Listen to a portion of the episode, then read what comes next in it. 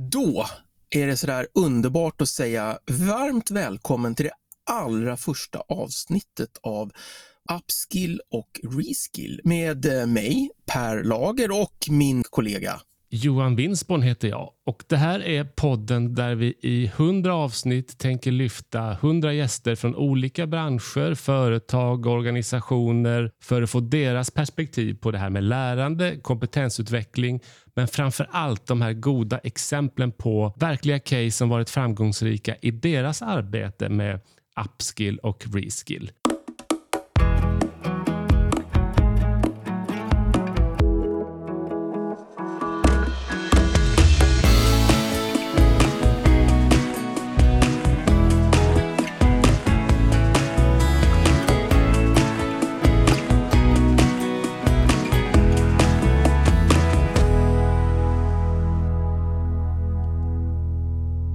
Per, varför har vi dragit igång den här podden överhuvudtaget? Ja, det, kan man, det är en bra fråga, eh, höll jag på att säga. Nej, men det här är ett enormt lustfyllt projekt, eh, eller hur Johan, eh, som vi har startat. Ehm, när jag har varit ute och föreläst om min bok, och i boken finns det en massa case, så får jag alltid frågan, finns det, finns det mer case? Folk verkligen törstar efter praktisk inspiration. Många är ganska ensamma där ute som jobbar med den här eh, kompetensutmaningen och man är så sugen på att lära sig mer om hur andra gör eh, i, i den egna branschen, i sitt land, men också i andra branscher och inte minst från resten av världen. Och när du och jag gjorde lite research här så så tyckte vi att det fanns en liten lucka här med, med en podd som just, som just fokuserade på, på case. Kan man säga så? Det tycker jag absolut. Och Nu nämner ju du din fantastiska bok Upskill and Reskill. Kan du passa på Per och berätta lite mer om dig själv också? Ja, men eh, för först kan vi säga Johan att det är ingen hemlighet att du och jag känner varandra också sedan tidigare. Vi gillar ju att jobba ihop eh, och vi träffades kanske för drygt tio år sedan eh, i styrelsen för vår branschorganisation som hette på den tiden hette South, Sveriges auktoriserade utbildningsföretag. Eh, och sen började du jobba där. Och sen blev det Almega Utbildningsföretagen. Nej, men, men, eh, men, men min bakgrund är ju eh, väldigt mycket från utbildning också med fokus på utbildning för, för vuxna. Så jag har ju varit VD och rektor på Bergs School of Communication och jag var VD för eh, koncernen som äger Bergs, eh, som är en norskägd koncern som också hade Iris Hadar och Medlon här, här i Sverige. Eh, och sen har jag varit på, på Utbildningsdepartementet, varit politiskt sakkunnig, eh, ansvarig för högre utbildning. Eh, jag har varit VD på Talarforum som också jobbar med utbildning. Men jag har också varit eh, på andra ställen i, i näringslivet. Varit på Observer, Sifo Group och Svenska Spel där jag framförallt har jobbat med utveckling, eh, omvärldsanalys som, som är en jätteviktig del av lärandet. Och så den här boken då som jag skrev för ett par år sedan, Upskill och Risky, som är min tredje bok. Eh, och som, vi, som vi grundar lite grann eh, podden på, men den här podden den är ju fristående. Men, men Johan, eh, förutom att du och jag har suttit i en styrelse ihop och jobbat ihop, var, var kommer du ifrån innan det? Jag är eh, från eh, grunden gymnasielärare och Eh, men sen jag utbildade mig för det, det, är snart 25 år sedan, så har jag framförallt jobbat med vuxenutbildning på olika sätt och precis som du har haft egentligen fokus på, på utveckling. Eh, men då kanske mer utveckling av pedagogik och didaktik och digitalisering och hur man, hur man jobbar med utbildning på olika sätt. Så jag har jobbat som lärare och som kursutvecklare och som skolledare och skolchef, utvecklingschef på olika sätt. Och sen vi träffades då i styrelsen för SAU så har jag jobbat då och jag gör olika uppdrag som har med vuxnas lärande att göra på olika sätt. Så dels så kvalitetsaktualiserar jag privata utbildningsföretag åt Almega Utbildningsföretagen som ju är en branschorganisation för dem. Eh, jag leder ett forskningsprojekt med, om distansutbildning för vuxenutbildningen åt ett privat forskningsinstitut som heter IFUS. Och så hjälper jag bland annat branschorganisationen Vuxenutbildning i samverkan med deras konferenser och evenemang och så gör jag lite andra uppdrag och såklart så spelar jag in poddar då och eh, vårt projekt här. Ja, och, och, vi kan väl säga Johan att det här projektet, det här är inget kommersiellt projekt, utan det här är någonting som, som du och jag drar igång för att vi tycker att det, är, att det behövs och att det är kul. Eh, och till vardags så är jag ju numera på Försvarshögskolan och jobbar med eh, allt från ledarskapsprogram till pedagogisk utveckling och, och, och nya metoder. Men sitter också i lite styrelser och sådär. Där, I de här sammanhangen träffas ju du och jag löpande också. Men du, eh, Johan, vi, vi tänkte att det här första avsnittet som är lite programförklaring som berättar lite varför, varför och hur vi gör den här podden. Och du, du är ju har ju blivit riktigt vass på just podd. Uh, och jag gillar också din nyfikenhet att hela tiden lära dig saker. Men hur har vi valt att göra den här podden då? Nej, men där är ju också en liten spännande aspekt och det tänker jag lite grann eh, i och med eh, coronapandemin så blev det så tydligt hur man kan jobba framåt, hur man måste jobba. Och vårt syfte med podden har ju varit att hitta framgångsrika case, inte bara lokalt i Sverige utan också globalt. Eh, och Du bor i Stockholm och jag bor i Malmö och vi kan inte åka och träffa varandra dagligen. Så det här är ju, vi spelar ju in allting online. Men det, och det öppnar upp för fantastiska möjligheter. Vi har ju, haft, eh, ja, du kan ju, vi har ju spelat in ett par avsnitt redan.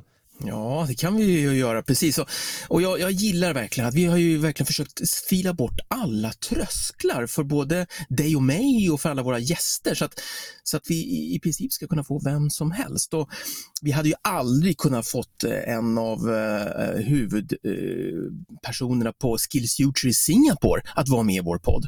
Eh, kanske en av de en av de mest innovativa casen och mest framgångsrika casen på, på upskill och reskill. Eh, och, och, och, det var ett fantastiskt samtal måste jag säga. Eh, men också har vi ju med Ericssons globala chef för, för learning and development som sitter i, i Texas. Och henne hade jag fått svårt att komma till studion också.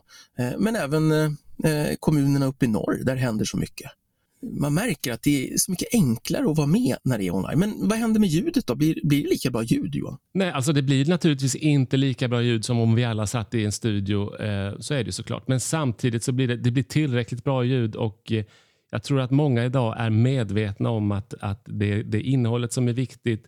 Man får begränsa sig lite i ljudkvalitet. Men hellre att vi har med oss inspirerande personer från Singapore eller Texas än att vi inte har det. Så att och så får vi liksom putsa på ljudet så mycket vi kan. Jag tror, jag tror våra lyssnare köper det.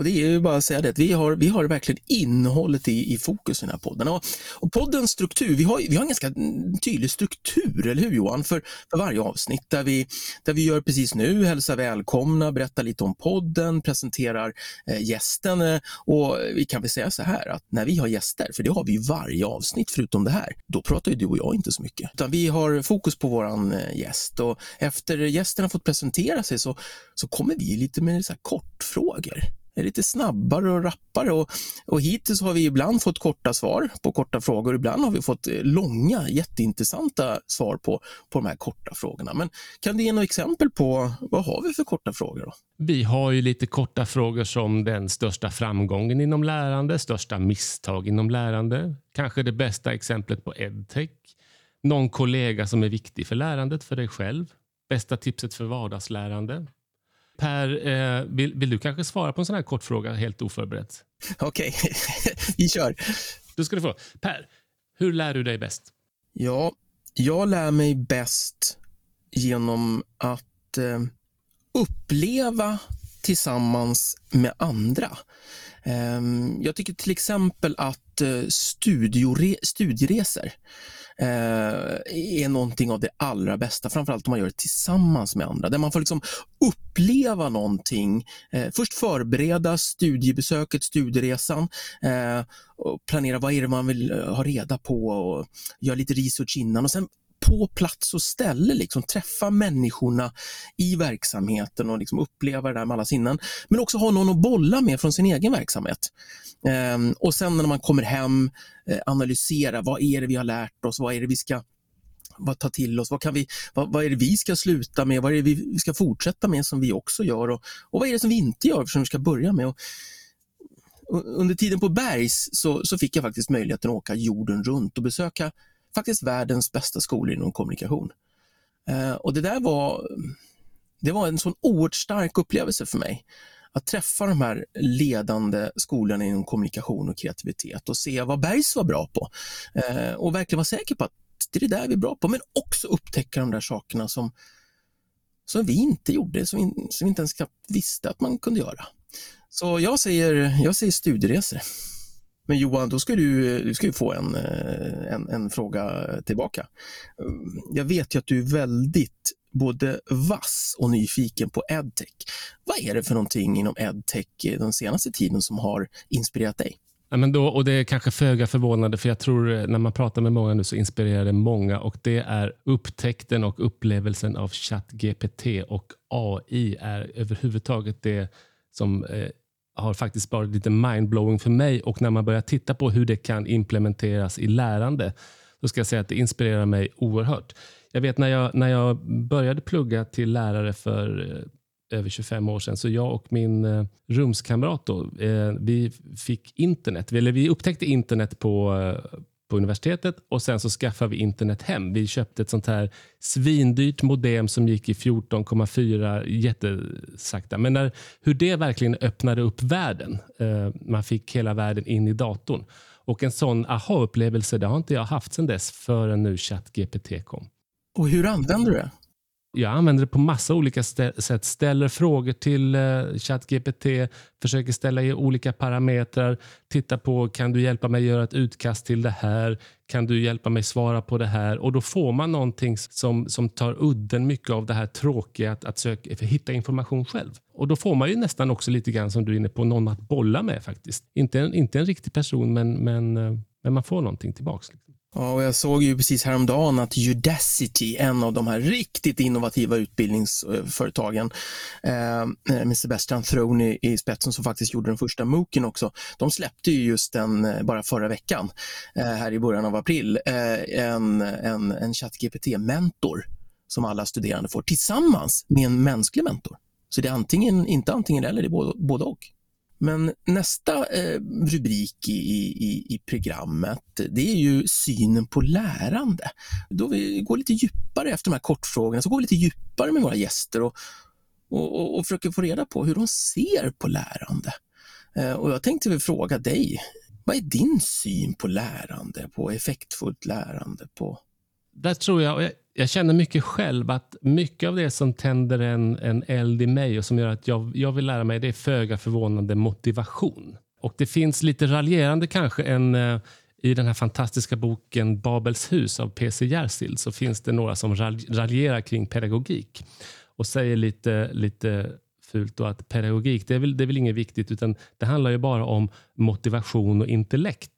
Eh, och även om det någonstans är Eh, Eh, och liksom förenklar det mycket så tror jag att vilken, vilken kunskapsnivå man har och vad man kan ta till saker kombinerat med att man faktiskt är motiverad. Kan man börja där så kan det hända precis vad som helst. Och Det känner jag mycket också i mitt eget lärande. Både när jag faktiskt utgår från att nu ska jag lära mig någonting. Om jag inte är motiverad så är det mycket, mycket svårare att lära sig. Men också i helt andra situationer där jag faktiskt bara gör saker. Att faktiskt uppmärksamma lärandet där och då och se vad lär jag mig av den här nya situationen. Så jag skulle säga motivationen Motivationen är det absolut viktigaste. Och jag tänker, Där märker vi också i de samtal vi redan har börjat spela in hur viktigt det blir när man som arbetsgivare kan motivera sina medarbetare och så vidare och på vilka sätt man gör det.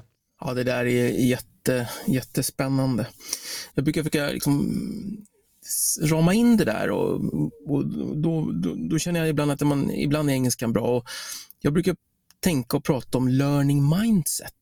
Alltså både viljan men också förmågan att lära sig. Eh, och det är ju jag är rätt övertygad om att det där går att träna upp också.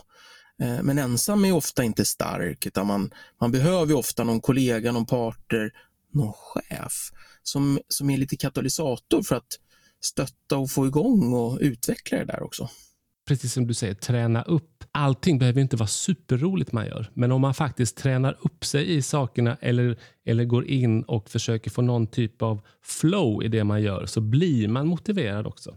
Man behöver liksom inte vara överentusiastisk från början, men man måste kanske lägga ner lite fokus på det. Och Jag tycker att det där, eh, kraften i en deadline är inte så dum heller.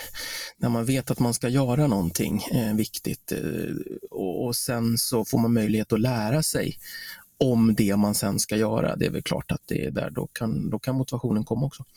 Men Johan, eh, då har vi ju varit igenom det här kortfrågorna, synen på lärande och sen kommer vi lite till hjärtat i podden. Vi kommer ju ha med i princip två case i varje avsnitt. Eh, ibland har vi lite specialavsnitt där, vi, där, hela av, där hela avsnittet är ett case bara. Eh, men eh, som regel två stycken case. Eh, om jag skulle fråga dig, eh, vad, har, vad har du för case på, på ett effektfullt eh, livslångt lärande, upskill, reskill? Nej, men jag, jag kan börja. och eh, jag tänker så här, det här är kanske inte det mest största caset som Eh, men det, det, jag tycker det är väldigt intressant därför att det sätter fingret på något sätt på det här jag pratade om med motivation och faktiskt hitta lärande där man står lite grann. Och för, jag tror det, det är ungefär tio år sedan när jag jobbade som utvecklingschef på Lernia. Så, och Lernia är ett statligt bolag som jobbar med bemanning och utbildning för vuxna. Och Där finns väldigt många yrkeslärare inom, inom tyngre yrken som CNC, verkstad, fordon och sådär. Och ofta, alltså det, den det finns inte så mycket pedagogisk utbildning där, utan man är ofta en yrkesman som jobb, har börjat jobba med utbildning. Och Då såg vi på Lernia i olika omgångar så har, vi, så har vi sett att det fanns ett behov av att kanske fylla på lite grann med just pedagogisk kompetens. Och för, för ungefär tio år sedan så gjorde vi en drive med Göteborgs universitet där vi skräddarsydde ett eh, utvecklingsprogram för yrkeslärare under ett år för att just kompetensutveckla yrkeslärarna med fokus på pedagogik. Och det, var, det var alltså en ren uppdragsutbildning där Lernia stod för kostnaden och så lärarna fick en viss neddragning av sin tjänst och så kunde de då utveckla sig kring pedagogik. Men det stora här som var, som var så framgångsrikt upplever jag att det var att Göteborgs universitet de la, sig, de la verkligen vikt vid att utforma någonting per individ och som också utgick från yrkeslärarnas vardag så att de kunde börja direkt där de stod. Redan från dag ett fick de börja väldigt praktiknära med sitt yrke och sen så gick utbildningen lite mer bakåt. Så att det här, den här pedagogiska teorierna det kom långt senare. Och det, det, här blev extremt uppskattat och yrkeslärarna kände att de fick, de fick användning från dag ett av den här utbildningen. Och Det gjorde också att de behövde inte gå ner i arbetstid särskilt mycket därför att utbildningen de fick det var någonting som gick direkt in. De kunde använda det direkt. De kände att det var ett mervärde också. Och Det gjorde att de de allra flesta som gick den här utbildningen de fullgjorde också. Och Det extra roliga var ju att en hel del av de som började här de formaliserade sen de här sakerna, fick betyg i det och fortsatte så att faktiskt en del av dem också fick en lärarlegitimation. Fantastiskt eh, exempel eh, och, och, och, och, kul att, eh, att hitta en partner också som Göteborgs universitet är där. Ja, men det, var, det var riktigt kul och, det, var, och det, det, det gav mig mycket just att se att man, man jobbar här där man står. Liksom. Ja, men vad spännande. Och efter första caset eh, i, i våra avsnitt så har ju vi en liten speciell eh, modul också eftersom, eh, eftersom det är så viktigt med reflektion för lärande, eller hur? Ja, och du sa ju att vi inte har någon gäst idag, men vi har ju faktiskt en gäst idag och det är ju vår kapellmästare Ann Winsborn. Välkommen till Upskill och Reskill, Ann. Tack så jättemycket. Du kommer ju vara ett stående inslag i våra avsnitt, vår kapellmästare. Och då är frågan, vad kommer du att göra i våra program? Jag kommer att bjuda på livemusik där jag kommer att sjunga och spela mina egna låtar och kanske någon gammal klassiker. Men Ann, vi är lite nyfikna på också, vad, vad ska du spela idag då, så här på det här första avsnittet? Idag blir det ingen musik utan man får med spänning vänta tills nästa avsnitt som är om en vecka. Men Ann, visst är det så att eh, du har ju till och med varit med och gjort vårt ledmotiv till den här podden? Kan du inte berätta lite mer om just den låten? Låten heter Vägen du själv borde gå. Eh, en låt som jag skrivit tillsammans med en kille som heter Gunnar Nordén. Låten handlar om att man inte ska vara för snabb med att döma andra människor eh, och att alla har olika förutsättningar i livet och det spelar ingen roll om man är rik eller om man är fattig utan att alla kommer egentligen att sluta på samma sätt ändå. Och vilket sätt är det? Vi kommer alla att dö eh, ändå. Men det handlar mycket om att bemöta andra människor på, på, ett, bra, på ett bra sätt. Mm. Och visst är det så att om man vill höra hela den här låten så finns den på Spotify och alla streamingtjänster? Jajamän. Ann, i vår podd så kör vi lite korta frågor också. En fråga är så här, som musiker, hur lär du dig på bästa sätt? Just nu så är det den, min största utmaning, det är egentligen att få in texter. Att inte glömma bort kan vara åldersrelaterat såklart nu när man har passerat 40. Men eh, att egentligen bara nöta in text så att det sitter. Det är egentligen den största utmaningen just nu. Vi tänkte också fråga dig eh, lite frågor som har med musik att göra också, kanske mer än lärande. Och du får en till kort fråga här. Vilket är ditt eget bästa musikminne eller upplevelse som artist? Mitt första musikminne, jag har alltid vetat att jag vill vara i den här branschen och jobba med både att sjunga och det kreativa, att skriva och skapa musik. Och jag fick av en kompis på, på lågstadiet så fick jag Mariah Careys första album som heter Jukebox och det var då jag verkligen kände den här känslan att eh, här, här är rätt, här ska jag vara. Det var ett upp, uppvaknande eh, och en Mariah Carey var under den tiden den som in, min största inspirationskälla. Eh, och största upplevelsen som artist är ju, det gick väldigt bra i Polen, det gick väldigt fort från att stå på, på lite mindre scener till att gå upp på, på en scen med 9 miljoner tv-tittare och 50 000 i publiken live var otroligt spännande och jättejättekul. Vilken häftig upplevelse. Ja, det var helt fantastiskt. Stort Tack Ann och kul att du kan vara med oss i vårt eh, premiäravsnitt. Och vi ser så mycket fram emot att varje inledning höra din låt eh, som en introduktion men också få den här eh, välbehövliga och så viktiga reflektionen i varje avsnitt. Så det där ser vi fram emot. Tack för att jag får vara med. Så Per, nu har vi ändå haft en gäst i vårt första program och jag har fått berätta om mitt Eh, Eh, case på framgångsrikt lärande. Men du har väl också förberett ett case idag Per? Ja, jag har gjort det. Och vi kan väl säga det också att vi, vi hjälper ju våra eh, gäster genom att de såklart får hela strukturen för programmet och sådär. Men också eh, lite hjälp att paketera de här casen. Eh, och det är inget, inget, inget tvång, men det är lite, med, lite med ett, ett litet hjälpmedel. Och, och, vi, vi gör det så enkelt att vi börjar med vad, vad, vad, vad var utmaningen, vad var problemet eller vad ville man uppnå? Eh, hur såg lösningen ut på, på på den där utmaningen eller på den där målsättningen och sen vad kan man säga någonting om effekterna. Så det är så vi hjälper våra där. Och jag tänkte, då lever jag som jag lär lite och jag vill ju tänka ordentligt faktiskt nu när jag förberedde mig på, på, på case. Man har varit med om en hel del case som inte har blivit så lyckosamma och så har man lärt sig mycket av dem. Eh, och så har man varit med om case som har varit väldigt bra. Men jag, jag väljer faktiskt att eh, jag går tillbaka till 2015 eh, när eh, jag träffade Jeremias Andersson som är en av grundarna till Academic Work och han berättade för mig att Academic Work då, som är en rekryterings och bemanningsorganisation, de, de finns otroligt mycket förfrågningar för att eh, hitta eh, och, och, och, rekrytera och hyra ut eh, programmerare. Och de vann massa sådana affärer för, för stora organisationer, både offentliga och privata. Men de kunde inte leverera, för det fanns inga programmerare. Och Det där tyckte jag var lite intressant och spännande. Och Sen eh, följde det sig så att jag åkte till EdTech Europe, en stor konferens i London. Eh, och Första föreläsningen som jag gick på så var det en, en digital bootcamp som pratade. Och Jag visste inte vad det var. Eh, och Det här var en kille som gick upp på scenen och berättade att det fattades programmerare även i Storbritannien. Så eh, de eh, tyckte också att det tog så lång tid och blev inte riktigt den kvalitet som, som de själva förväntade sig av eh, högre utbildning och ta en treårig bachelor eller master för att kunna programmera C-sharp eller vad det nu kan vara för någonting. Och, Eh, så de tog saken i egna händer, eh, hade fått lite inspiration från USA där man hade pratat om en pedagogik som heter accelerated learning, där man jobbade oerhört hårt, eh, fokuserat praktiskt med att lära sig till exempel programmering. Och då hade man kommit fram till att 12 veckor, det var ett, ett, eh, ett tempo som, eh, som folk ork, man orkade hålla ett högt tempo i, i 12 veckor. Eh, och Man hade också förberedelse och tester och sådär. Och när jag satt där och lyssnade på det här så tänkte jag, men vänta lite, hade inte Jeremias Andersson ett problem? Men tänk om, tänk om, tänk om de skulle utbilda programmerare då? Ta människor som, som ville göra en karriärbyte och som hade förutsättningar, så utbildar man dem under 12 veckor. Precis som de här gjorde i London. Så jag smsade Jeremias, bad att han skulle gå in och titta på deras hemsida eh, och det gjorde han.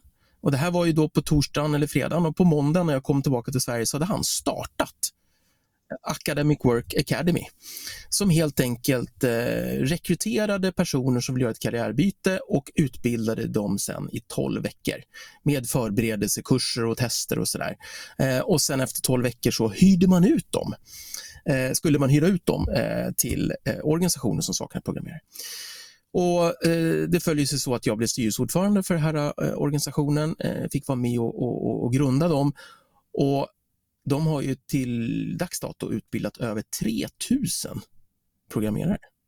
I Sverige, Norge, Finland, Danmark, Tyskland och sådär. Det är ett case som verkligen inspirerat mig. För det, det är ju så att det de gjorde var oerhört unikt och nyskapande i Sverige. Även om man tog inspiration från ett annat land såklart, som man alltid ska göra, lära sig av andra. Men de, de kom ju inte från utbildning. Utan de kom från en helt annan bransch och gjorde kanske något av det mest eh, innovativa just då i alla fall, 2015-2016. Och det har gett enorma effekter. Alltså 3000 personer eh, har man utbildat och är nu i jobb och faktiskt samtliga är i, i, i jobb med något enstaka undantag.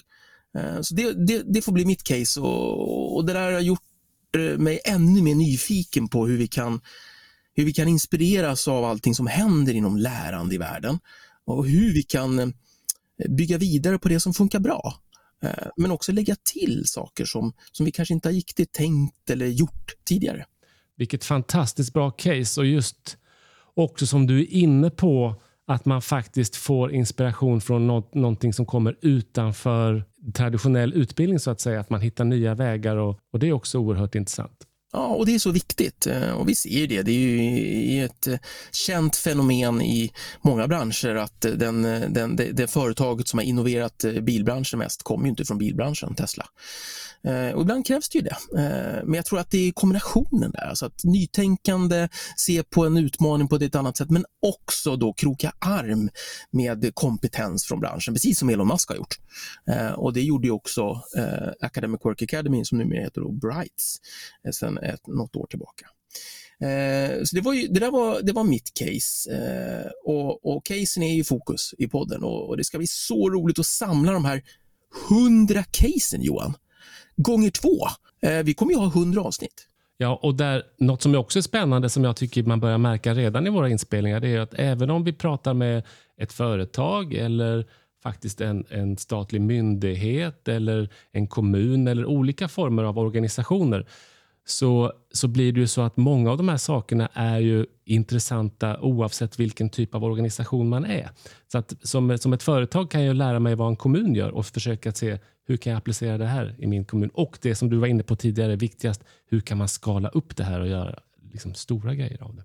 Vi kommer ju ha alla typer av organisationer. Eh, små och stora, offentliga, privata, svenska, internationella, i traditionella branscher och i, i, i nya branscher. Men vi kommer också ha en del forskare med också som eh, kommer eh, prata om sin forskning och, men också presentera case från sin forskning också så att vi kan så ni som lyssnar verkligen kan, kan ta till er det där. Per, om man som lyssnare har idéer om organisationer eller företag som man vill ha med eller man vill bara kommunicera med oss på något sätt, hur, hur tänkte vi göra det? Nej, men, eh, det är viktigt med dialog. Eh, här vill vi leva som vi lär.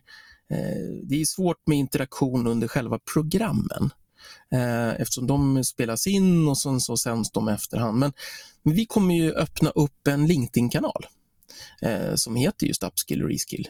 Eh, där man kan eh, se alla avsnitten. Eh, eller se, man kan se vilka avsnitt som har varit och sen lyssna på dem såklart. Och man kan kommentera, man kan lämna tips, man kan lämna feedback och vilka gäster man ser fram emot att ha, vilka frågor man vill att vi ska ställa i de kommande avsnitten och mycket därtill. Så det blir lite våran vårt bollplank med alla er lyssnare. Nu har vi betat av egentligen nästan hela strukturen, de stora casen som är det viktiga. Men vi har ju ett lite spännande kortavsnitt på slutet också. Återigen lite korta frågor Per, men kanske lite mer antingen eller, hiss eller diss, tummen upp, tummen ner. Just det.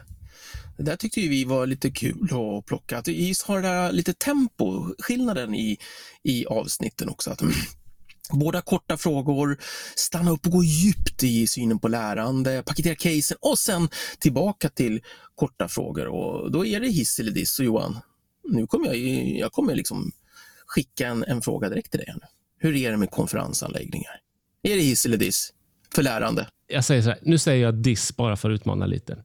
Och Då tänker jag så här, å ena sidan, det finns absolut fantastiskt bra möjligheter att träffas socialt och umgås på en konferensgård utifrån de olika sätt. Men vi ser ju också med, med, olika sätt att träffas online som vi gör här och man måste på något sätt försöka hitta, tycker jag också, lärandet i vardagen där man jobbar, där man behöver den på olika sätt. Så jag säger diss att faktiskt skicka folk på konferensgård för att lära sig någonting om man inte har tittat vilka andra möjligheter finns det att faktiskt kanske lära detta på ett effektivt sätt. Men med det sagt så vill jag inte vara eh, helt odiplomatisk och säga att det finns absolut fantastiska bra sätt att, att träffas och lära sig på en konferensgård. Men för att utmana lite här så säger jag diss. Mm, då ska du också få en här. Jag tänkte faktiskt att du skulle få konferensgård, men det fick du inte. Lärplattform, LMS, hiss eller diss? Jag säger en stor hiss. Eh, och Det naturligtvis beror på vilken eh, plattform, men framför allt på om man har en grund innan Eh, för att kunna eh, bygga den där plattformen på. En pedagogisk syn, en, ett tydligt varför och eh, målsättning hur man ska använda den där och sådär.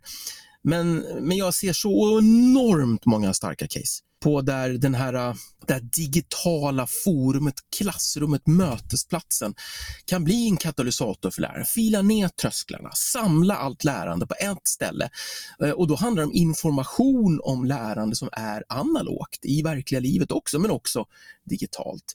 Äh, det tror jag är oerhört viktigt. Och, men jag ser också snudd på lika många case på där man misslyckas med sin implementation av sitt LMS, så, eller vad vi ska kalla det för, lärportal. Så att eh, det där är, det där, det är en av de viktigaste frågorna skulle jag säga nu, att kunna tänka till och ha en bra implementationsprocess och sen ha ett väl genomtänkt arbetssätt för hur man ska använda sin lärportal. Eh, både eh, ta hjälp av lite små knuffar för att få Eh, medarbetare att göra det de vill göra, nämligen lära sig och använda det. Eh, men också att eh, skapa interaktion så att alla känner att man är med och kan utveckla den där den där lärportalen på ett, på ett sätt. Det var en kort fråga och ett långt svar. Ja, ja, det var väl tillräckligt kort ändå tycker jag. Men du Per, vi är nästan igenom vårt första avsnitt här, vår programförklaring. Det är vi eh, och det ska bli så roligt att komma igång. Och, och det, här, det här första avsnittet eh, det var ju egentligen en liten, just en, en, en, en liten innehållsdeklaration på vad den här podden har för ambition. Ambitionen det är att eh, ha några av de absolut bästa casen som finns, oavsett bransch, oavsett land, inom upskill och reskill. Men också att vi följer en ganska tydlig struktur och inom den strukturen så kan eh, både du och jag, men framförallt våra gäster, kunna vara kreativa och och, och, och, och, släppa sargen lite grann. Eh, så att eh, det ska bli så roligt och vi ser fram emot eh, alla lyssnares feedback och input och idéer. Eh, så att det här kommer bli en oerhört rolig resa som jag får göra med dig Johan. Jag håller med. Det ska bli väldigt spännande och då hoppas vi att de som har lyssnat på vår första programförklaring naturligtvis lyssnar återigen om en vecka ungefär på vårt första riktiga avsnitt med vår, våra gäster. Det gör vi.